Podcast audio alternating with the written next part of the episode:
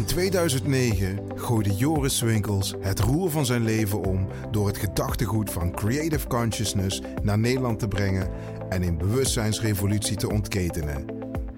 De voorbije jaren mocht hij getuige zijn van tal van bijzondere doorbraken en levensveranderende transformaties. In de podcast Bubbles nodigt hij mensen uit hun transformatieverhalen en hun inzichten met jullie te delen. Nou, uh, Rob Doornbal, uh, welkom uh, in deze podcast bij Bubbles. Dankjewel, Joris. superleuk dat je tijd kon maken om erbij te zijn. Mm -hmm. Jij bent uh, ondernemer in de, uh, ik wil zeggen de kinderbranche, maar dat, dat is het niet helemaal, de kinderopvangbranche. Ja, een beetje opletten wat je Ja, maar uh, dat is niet alles wat je gedaan hebt in, in je leven volgens mij. kun je eens heel kort introduceren wat je als achtergrond hebt mm -hmm. als ondernemer? Ja, ik ben eigenlijk dit jaar 30 jaar actief als ondernemer. Ik ben in 1988 begonnen in de kinderopvang als een van de eerste commerciële aanbieders en bemiddelaars, intermediairs uh, in de kinderopvang. Stond toen nog allemaal in, de, ja, in de kinderschoenen, zo gezegd. Ja, ja. En gaandeweg de rit heb ik dat uitgebouwd naar verschillende varianten. exploitatie van kinderdagverblijven, buitenschoolse opvang. Uh, nannies volgens mij. Hè? Je nannies, nanny, ik heb een nanny. Hoeveel, hoeveel nannies had je? Uh... Nou, in onze hoogtijdagen hadden wij ruim 500, 600 nannies aan de slag. 500, 600 ja. nannies? 500, 600 Die dus uh, in, in de thui, bij mensen thuis... Ja. ja. Zo, ja. En dat was eigenlijk verdeeld over twee bedrijven, gouvernante en nanny. Nanny Association. En ja, in onze hoogtijdagen hadden wij echt heel veel mensen aan de slag. En Zo. helaas door wetgeving ja, is daar eigenlijk grotendeels het einde aangekomen. In ieder geval zijn we toen uh, 75 tot 80 procent teruggegaan in uh, volume. De overheid toen besloot uh, dat nannies niet meer bij meerdere gezinnen mochten werken. Ja. maar die moesten in, alleen maar, maar in één gezin werken. En wij werkten voornamelijk met professionele dames die de hele week hun diensten uh, tentoonspreiden, om het zo te zeggen. Mm-hmm. En uh, ja, dat heeft toen heel veel impact gehad om, om weer terug te gaan. Ja.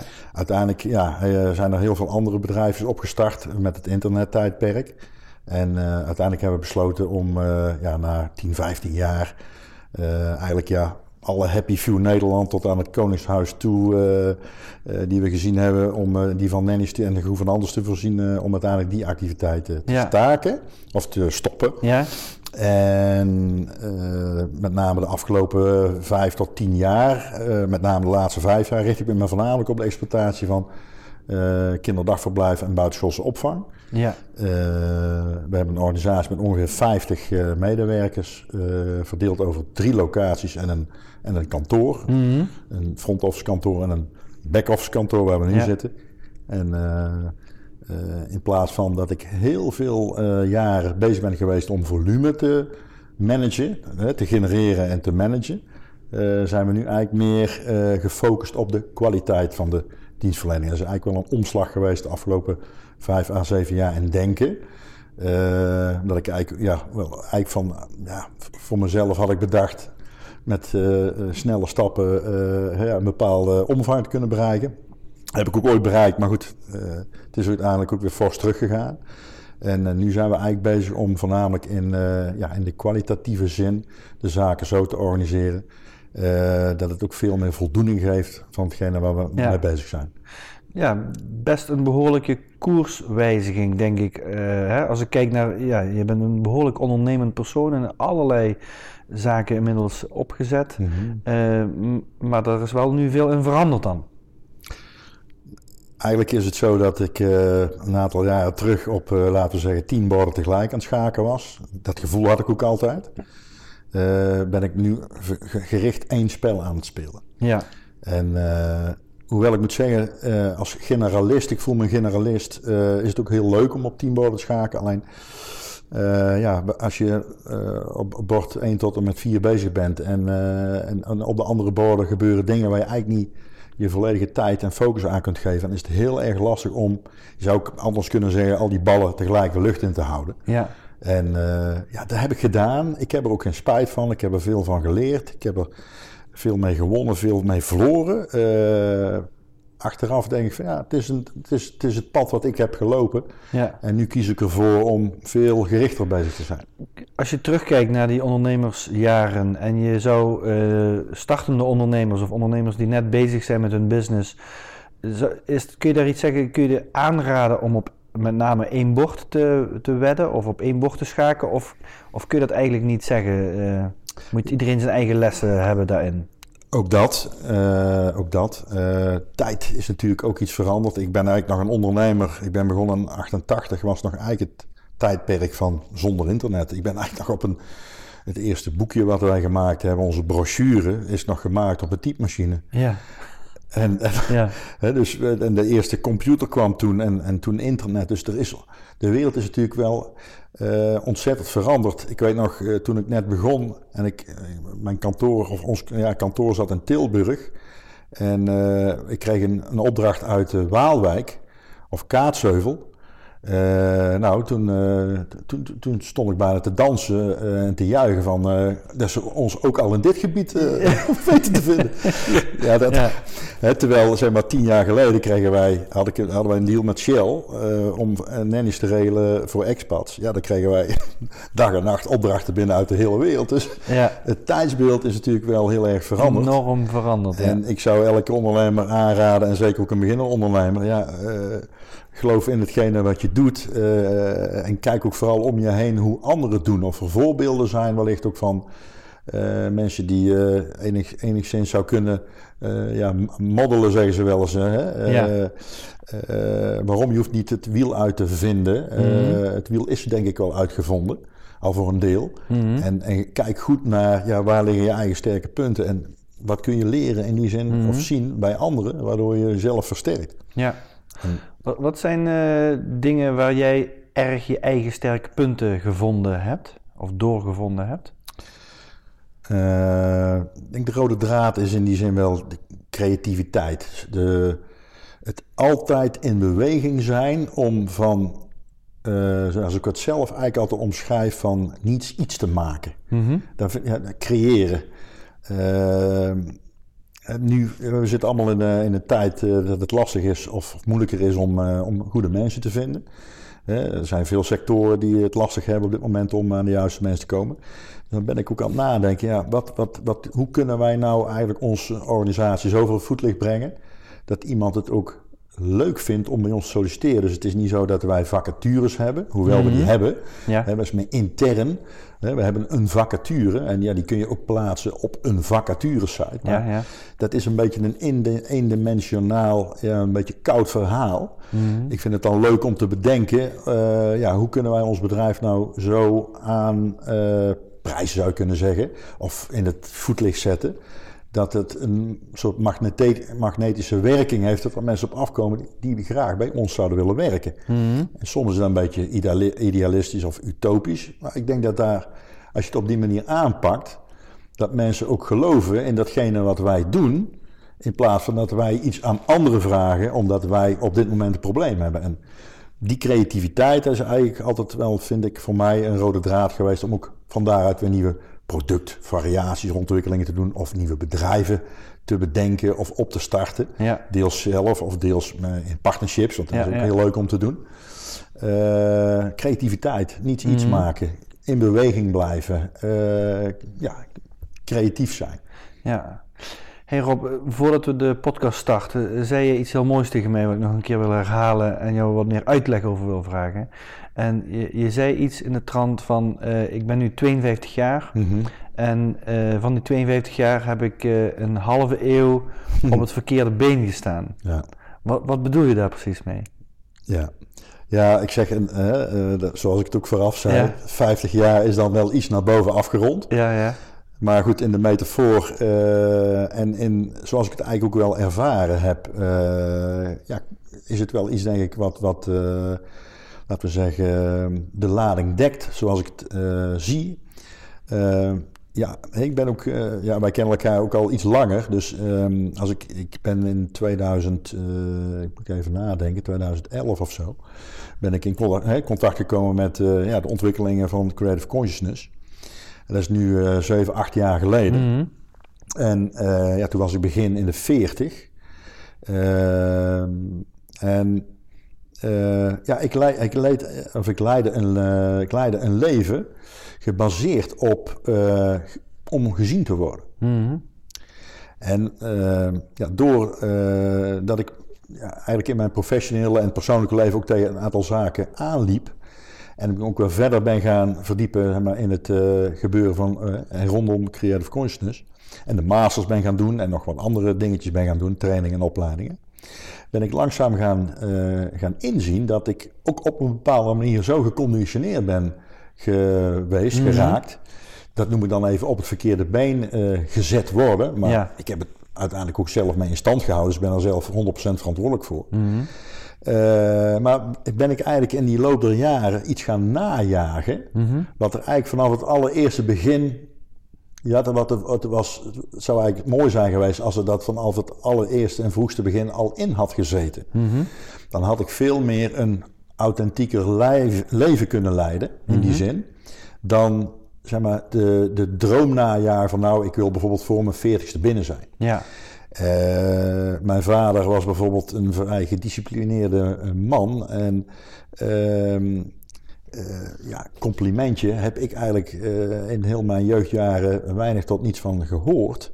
Daar kwam dat hij dat ook niet had geleerd. Ja, ja, kwam ik later achter. Ja, precies. Je kunt ze dat niet kwalijk nemen. Kan ik ze niet kwalijk nemen. Ze doen ook hun best. Zij de, de, in, de, in de tijdgeest. Zij, ze hebben gehandeld hè, naar het beste, beste, eh, kunnen. beste kunnen wat zij hadden. Mm Ben ik later ook achtergekomen. Mm Het is een tijdje geweest dat ik me daar ben tegen gaan afzetten.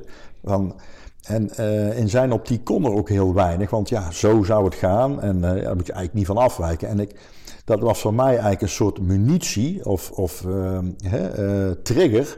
Van nou, dan zal ik wel eens even laten zien wat er wel allemaal mogelijk is. Mhm, mhm. En vandaar dat ik ook op al die borden tegelijk ben, of ja, niet tegelijk, maar op een hele hoop borden ben gaan schaken. En ja, ik, uh, ik verdiende flink wat geld. Ja. Mhm. Eh, en uh, ik reed een dikke auto en ik kocht ook een horloge. En ik kreeg ook vrienden eigenlijk, hè, die allemaal mhm. bezig waren om eigenlijk de hele dag te laten zien maar, hoe goed zij wel niet waren. Maar op, op zich is met een, een duur horloge hebben, een mooie auto en een leuke woning, is niks mis mee, denk ik. dat, mhm. heb je, dat heb je nu nog. Ja. Hè, maar wat zijn de grote veranderingen dan die er door bewustwording of door trainingen veranderd zijn? Of, wat heb je daar als winst uitgehaald voor jezelf? Uh, dat je eigenlijk keuzes maakt vanuit jezelf. Veel meer het leven leidt eh, vanuit jezelf. In plaats van dat je eigenlijk voor een ander wilt laten zien dat jij iets waar bent. Ja. En dan verwijs ik even naar zeg maar, de eerste podcast. Hè. Die zou ik ook iedereen aanraden om nog eens goed te luisteren. Mm Daar wordt in gezegd, daar zit een soort rode draad in van mhm. zeg maar, mensen die ergens tegenaan lopen. En ik, herkent wel, ik herkende wel dat dat is, ik ben eigenlijk niet goed genoeg. Mm Dan zou je ook van kunnen zeggen, ja, ik ben wel goed genoeg, maar het wordt niet gezien. Precies. En dat is niet iets wat je bewust uh, bent, mhm. maar als je in die trainingen zit, denk ik, hè, dan, dan herken je dat soort dingen zien en herkennen. Dat dat eigenlijk diep van binnen een drijfveer is, waardoor je acties gaat ondernemen die je nu mogelijk niet meer doet of anders doet. Ja. Toen had ik ook, uh, of ja, die heb ik nog steeds, maar eh, ik heb er nu wel minder contacten mee. Ik had een, in uh, de periode dat ik begon als ondernemer, was rond de 20, 21 jaar oud. Ja, 22, ja, 22 jaar oud, dus 30 jaar geleden, 52. Uh, een een goede vriend, ook familie, neef, die net 8, 9 jaar ouder was. En hij was ook op een bepaalde manier geconditioneerd en ook uh, had een bepaalde definitie van succes. Mm -hmm. En voor mij was dat iets waar ik eigenlijk wilde nastreven ook. In die zin zag ik hem bijvoorbeeld wel als een soort grote broer. Mm -hmm. uh, ten opzichte, uh, om, omdat ik zeg maar, een, geen motiverende vader had. Daar had ik me juist van afgezet. Mm -hmm. En hij was juist voor mij weer iemand die, waar ik tegen opkeek. Mhm. En daar ben ik eigenlijk later ook achter gekomen. Ja, die heeft mij, ja, hè, heb ik, daardoor heb ik, niet hij, heeft mij, maar daardoor ben ik zelf ook weer op een verkeerde been gezet. Mm -hmm. Dus gaandeweg de rit, uh, ook door cliëntelen die wij hadden, of hè, klanten die wij hadden, uh, door de manieren zoals ik mezelf ben gaan manifesteren in de loop der jaren, toch het gevoel van binnen, ja, er is iets, iets zit er toch wat niet helemaal, zeg maar eh, goed zit, om het zo te zeggen. Ja. Of wat ik, waar ik de vinger op kon leggen. Mhm. En uh, ja, uiteindelijk heb ik, heb ik daar ook wel de masters van nodig gehad. De beweging van Creative Conscious van nodig gehad. En andere dingen die daaraan gekoppeld, gerelateerd zijn. Mhm. om veel meer naar mezelf te gaan. In plaats van, ja, doe nou de dingen niet meer die vanuit een bepaalde conditionering of vanuit mhm. de omgeving gewenst worden. Maar juist dingen die vanuit jezelf veel meer komen. Mhm. Is dat ook waarom je je medewerkers allemaal naar de trainingen stuurt? Of in ieder geval, hè, ze dat willen? Nou, uh, ook, uh, ook. En daar zit eigenlijk nog een grotere, ja, laten we zeggen, passie en inzicht achter. Namelijk, als ik nu in deze tijd, en ik kijk ook nog heel even naar onze ouders, zo gezegd, die generatie. en ik kijk naar dat als ik nou al tot de conclusie kom, en zo heb ik het ook ervaren, dat ik bijna vijf jaar lang, even iets weer naar boven afgerond, ja, ja op het verkeerde been heb geleefd. En ik kijk naar de generatie eigenlijk weer onder ons, dat die nog steeds op het verkeerde been aan het huppelen zijn, om het zo te mhm. zeggen. Of met één been eh, door de wereld te stappen zijn. Waar ik ontzettend veel uh, jonge mensen nu al hoor. Burn-out klachten. Mhm. Ehm, stress. Mm conditionering van ja, ik doe wel iets, maar het behoort niet helemaal tot mij. Ja. Uh, dan denk ik van ja, dat zijn mensen. In dit geval zijn ze werkzaam in de branche waar ik ook al lang in actief ben, in de kinderopvang. We hebben veel raakvlakken en overlap en samenwerking met het onderwijs. Dan zien we dezelfde problematiek. Nou, in de gezondheidszorg, noem de sectoren maar op. Dan zie ik mensen die op een zodanige wijze aan het struggelen zijn.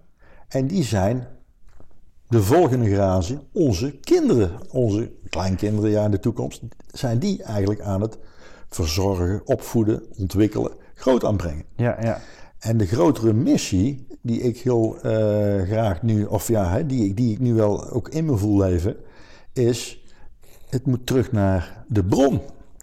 Terug naar die authenticiteit van als een kind geboren is. Er wordt al gesproken over het begint eigenlijk al bij min negen maanden. Hè? Want ja. zeg maar, als het kind zich ontvouwt in de baarmoeder, zelfs daar kunnen allerlei trauma's al ontstaan. Um, uh, maar in ieder geval op het moment dat het kind geboren is. Uh, en vanaf dat moment is er ook iemand, hè, vaak ouders of andere volwassenen of maatschappij, et cetera, die iets van het kind willen. En naarmate het kind verder uh, groeit en verder zich ontwikkelt of ouder wordt, raakt het eigenlijk steeds verder af van wie het daadwerkelijk is. En mhm. eigenlijk zouden we dat proces moeten terugbrengen naar laten we die authenticiteit uh, koesteren. En laten we eens kijken naar als volwassenen. Wat brengt ons nou allemaal, uh, uh, of met andere woorden, ja, wat doen wij allemaal om juist die authenticiteit juist af te pellen, die conditionering juist groter te maken, waardoor de mensen uiteindelijk geen authentiek leven leiden, maar een geconditioneerd bestaan hebben waar er allerlei problemen achter zitten. En mogelijk op een 70ste, 80ste, 90ste er nog achter komen van hé, hey, ik sta op het verkeerde been. Of, of denk je dat dat, dat dat naarmate dat je ouder wordt, dat je dan vanzelf toch wel richting dat meer authentieke gaat? Of... Nou, vanzelf weet ik niet. Uh, want sommigen hebben er echt wel voor nodig uh, om echt letterlijk en figuurlijk tegen de lamp te lopen. Mm uh, of onderuit te gaan, anders gezegd. En het huidige systeem ook is, ik heb het in, de, in onze organisatie vaak meegemaakt. De bedrijfsarts weet er eigenlijk niet zoveel van af, met alle respect. De verzekeraar heeft een belang om niet uit te betalen. De werkgever, traditioneel gezien, heeft een belang om de werknemer zo snel mogelijk weer aan de slag te hebben. En de werknemer, die is bang dat hij zijn baan kwijtraakt. En die vindt het ook niet fijn om thuis te mhm. zitten. Dit systeem houdt het eigenlijk mee in stand. Ja. En we hebben nu een paar keer, hebben wij door middel van coaching, extern, intern, in te zetten, hebben wij gezegd, ook naar de bedrijfsarts, die bel ik dan op en om, om een afspraak te maken. Hij zegt, meneer Doornbal, het is hoogst ongebruikelijk dat een werkgever hier op het, op het spreekuur komt voor bedrijfsarts. Ik zeg, uh, dat komt goed uit, want uh, hè, dan, dan wil ik toch eens met u eens praten over. Geef ons eens even drie tot zes maanden de tijd om deze, geen werknemer, maar collega, mede-medewerker, mede-mens, de tijd te geven om even terug te gaan waar het uiteindelijk om draaide. Ja.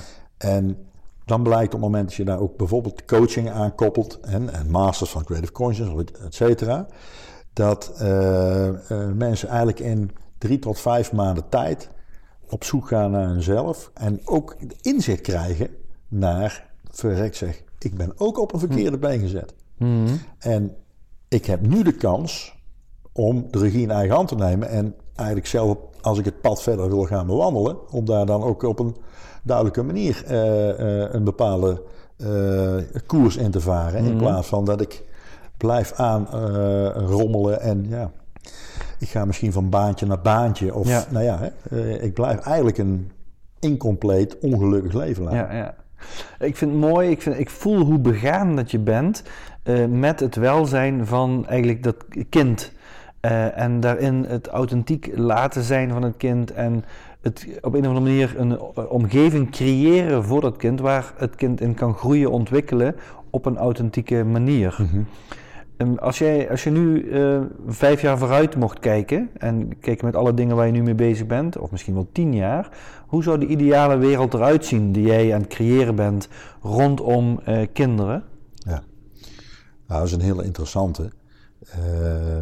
Vanuit de kinderopvang zijn wij ook steeds meer aan het samenwerken met het onderwijs, hè, basisonderwijs. Ehm, ja, ik zie heel veel traditioneel ingestelde eh, scholen nog. Eh, ja, die, die werken hun curriculum af. De curriculum bestaat al heel erg lang. Is dat hetzelfde, terwijl de wereld eigenlijk al gigantisch veranderd is. Kijk maar naar, hè, eh, kijk maar naar je eigen mobiele telefoon. Hè. Als je een telefoon hebt van, laten we zeggen, vier jaar geleden, of laten we zeggen tien jaar geleden, dan, ja, dan, dan, dan denk je van, verrekt zeg, Ja. eh, dat gaat al heel Ja. erg snel. Maar dat curriculum van school, dat is al bij wijze van spreken 40, 50 jaar hetzelfde. Er wordt ook gesproken nog over overblijven, alsof, ja, dat komt eigenlijk allemaal nog uit de jaren 50, 60, uit de vorige eeuw. Ik zou heel graag zien dat we teruggaan, of niet teruggaan, dat we gaan naar, laten we zeggen, eh, gebouwen. Maar niet een gebouw in de functionele zin, maar een gebouw in de, in de, als derde pedagoog, als, hè, als een, een, een gebouw dat ten dienste staat Ja. aan de ontwikkeling van een kind. Waar dan, eh, laten we zeggen, 24-7, dat is iets te veel, maar in ieder geval van 7 tot 7, dat is een mooi uitgangspunt. Een kind naartoe gaat om te ontwikkelen. En dat kan vanaf, van spreken, zes weken. En dan gaan ook eh, kinderen die, of tenminste babytjes, die gaan naar het kinderdagverblijf. Dat kan ook eh, vanaf eh, drie maanden zijn, vier maanden. Eh, maar de kinderen gaan eigenlijk naar ontwikkelingscentra, zou je kunnen kijken. En uitgangspunt is hun mens zijn. Het uitgangspunt is hun authenticiteit. Een uitgangspunt is, wat heeft dit individu, dit, deze, dit mens, dit mooie mens, dit unieke mens, nodig om uiteindelijk zijn of haar talenten ten volle te benutten en te ontwikkelen. Waarbij dan geen leraar, maar veel meer een coach eh, eh, ook ten dienste staat om dit proces te begeleiden. Waar geen klassen meer zijn, waar afgerekend wordt eh, om vervolgens een bepaalde CITO-score te halen, want daar kun je een bepaald niveau mee halen. Een kind, als hij ergens, als hij veilig is, sociaal, emotioneel en fysiek, dan heeft hij van nature al een intrinsieke motivatie om te leren. Er is geen enkel kind wat na drie keer vallen zegt, nou ik heb nou besloten om, eh, om te blijven liggen. Dus dat, dat, Ja. dat, dat, dat gaat eigenlijk vanzelf. Eh, dus ik zou daar zeg maar, ontwikkelingscentra zien waar gebouwen waar kinderen kunnen koken, met elkaar kunnen eh, eh, spelen, kunnen experimenteren, kunnen sporten, eh, kunnen afspreken. Kortom, hè, geen druk, geen dwang, geen opleggende, eh, geen vingertjes, geen wijzende vingers. Niet meer het systeem van let op, dit moet jij halen, want dan zou jij dat en dat kunnen ja. worden. Ga veel meer terug naar wie je bent hè, als human being en vorm en leid een leven eh, als human being in plaats van Human doing. Ja. En dat brengt me ook weer terug in die zin. Ik heb in die, laten we zeggen, 50 jaar op verkeerde been, heb ik zoveel gedaan. Dat ik dacht van, ik zou nou toch eigenlijk heel erg moe moeten zijn.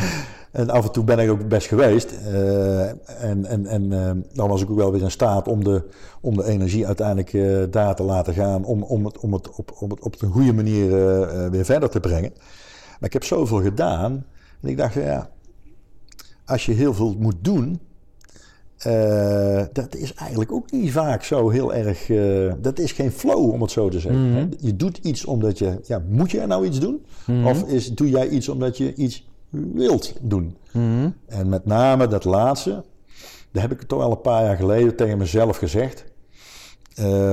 ik wil eigenlijk het leven leiden nu met twee benen. Ik kan die tijd niet meer inhalen. Dus in die zin is tijd wel ook kostbaar. Ja.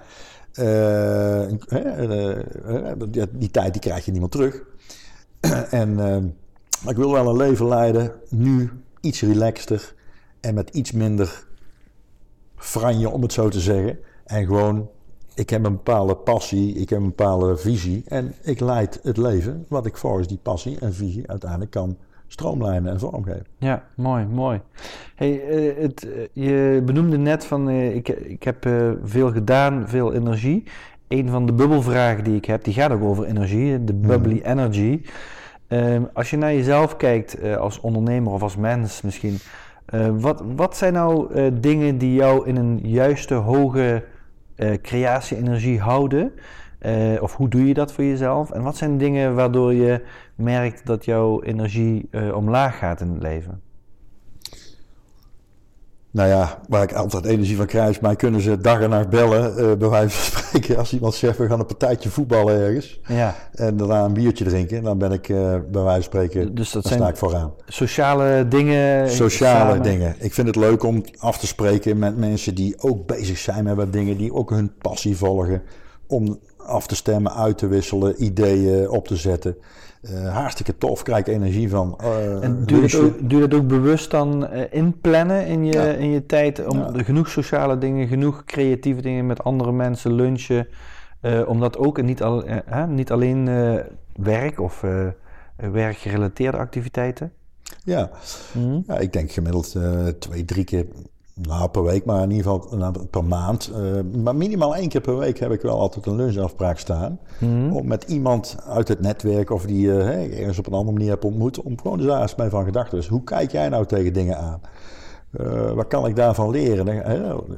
Om jouw vraag terug te pakken van met een jonge ondernemer. Ja, dat kan ook een wat oudere ondernemer, om het zo te zeggen. Nou voel ik me nog niet zo echt oud, maar ik heb natuurlijk best wel wat gedaan. Maar wel om te blijven praten met jongere mensen, uh, mensen van uh, dezelfde leeftijd, uh, iets ouder. Om te blijven ja, peilen, om te blijven ja, zien en, en te horen en vernemen hoe zij dat aanpakken. Ik vind dat heel, heel erg leuk. Ik krijg er heel mhm. veel energie van altijd. Mm Van nieuwe ideeën. dat zit op de een of andere manier word je toch warmer van iets wat even, oh, dat is nieuw. Mhm. En is dat als ondernemer niet ook, eh, ja, ik denk dat het heel goed is als ondernemer om veel nieuwe ideeën te hebben. Maar kun je die ideeën ook eh, allemaal uitvoeren en afmaken?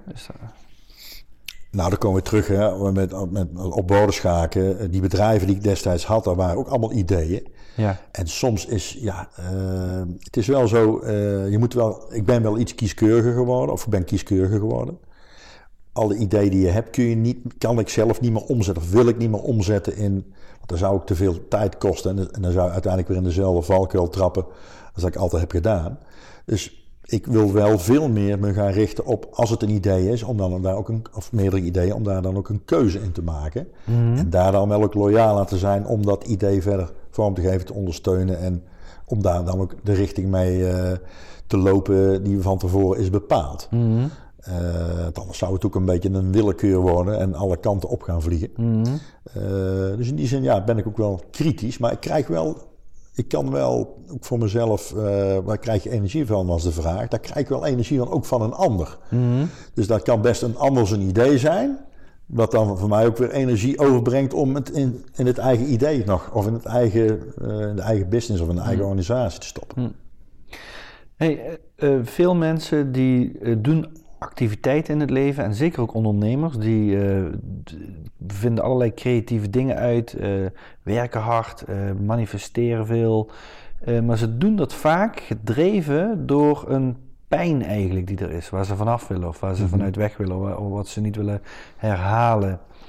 Um, is dat iets wat, wat bij jou ook speelt als je kijkt naar jouw ondernemersdrang? Is die ook gevoed ook door iets wat in het verleden pijn gedaan heeft? Uh, ja, zeker. In die zin uh, is dat de pijn eigenlijk van uh, het niet gezien worden. En mm -hmm. ja, dan zelf allerlei opvallende dingen gaan doen om uiteindelijk wel gezien mm en gehoord te worden. Ja. En serieus genomen te worden. En mm. voor vol aangezien te worden. ik denk dat dat stuk hè, niet gezien worden en serieus kunnen, dat dat ook een, nou ja, ik weet niet of het een universele pijn is, maar ik denk mhm. dat heel veel mensen daar mee kampen. Is, ja, je benoemt dat nu redelijk snel. Weet je dat al lang dat dat ook een onderdeel is van je, van je drive? Of is dat iets van de laatste jaren dat je daar uh, Ja, dat is wel iets gekregen? Dat, dat, inzicht, dat heb ik eigenlijk de laatste jaren, heb ik dat wel uh, veel meer, uh, is dat, daar ben ik veel bewuster van geworden. Dat dat wel een drijver is geweest. Ook, ja, maar ook een drijver is het rebelse. Het afzetten ten opzichte of ten, op, ten overstaande van het bestaande. Ja. Ja, dat is niet per se een, is dat een pijn kan ook een plezier zijn, maar dat is, dat is, ja, daar zit natuurlijk wel een bepaalde pijn in. Mhm. Dat anderen als het ware tegen mij zouden zeggen, of tegen, hè, uh, ja, we gaan het zo doen. En dan mhm. denk ik van ja, wie bepaalt dat? Mhm.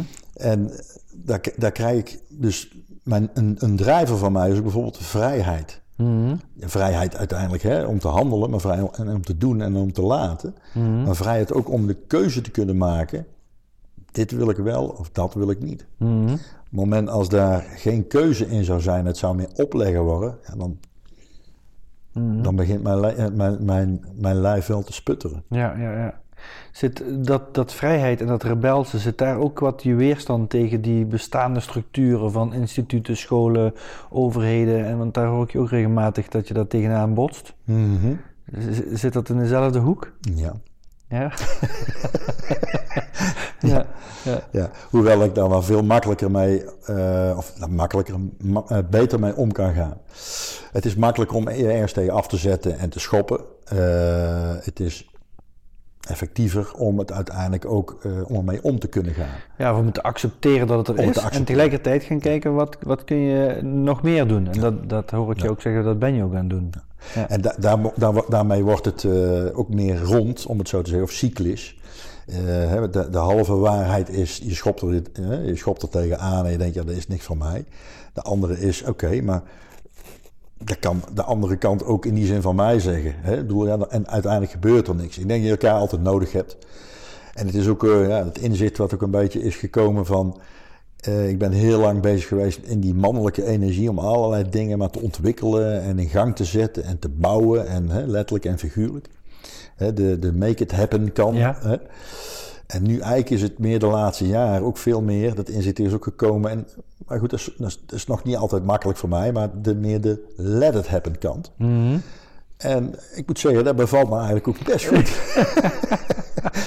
dus sommige dingen laat ik ook gewoon nu gebeuren. Laat ik meer van me afglijden. En denk, ja, het zal zijn, zijn weerslag wel krijgen of niet. Ook goed. Ja. En ja, ik kan rustig slapen. Ja, ja, Hey Rob, een andere bubbelvraag is uh, bubbels als... Uh, we leven vaak in bubbels, in, uh, in gedachten, in overtuigingen, in een wereldbeeld dat de wereld op een bepaalde manier in elkaar zit. En dan komt er soms een moment door bewustwording of door een, een event of door iets vervelends wat er gebeurt, dat die bubbel doorgeprikt wordt.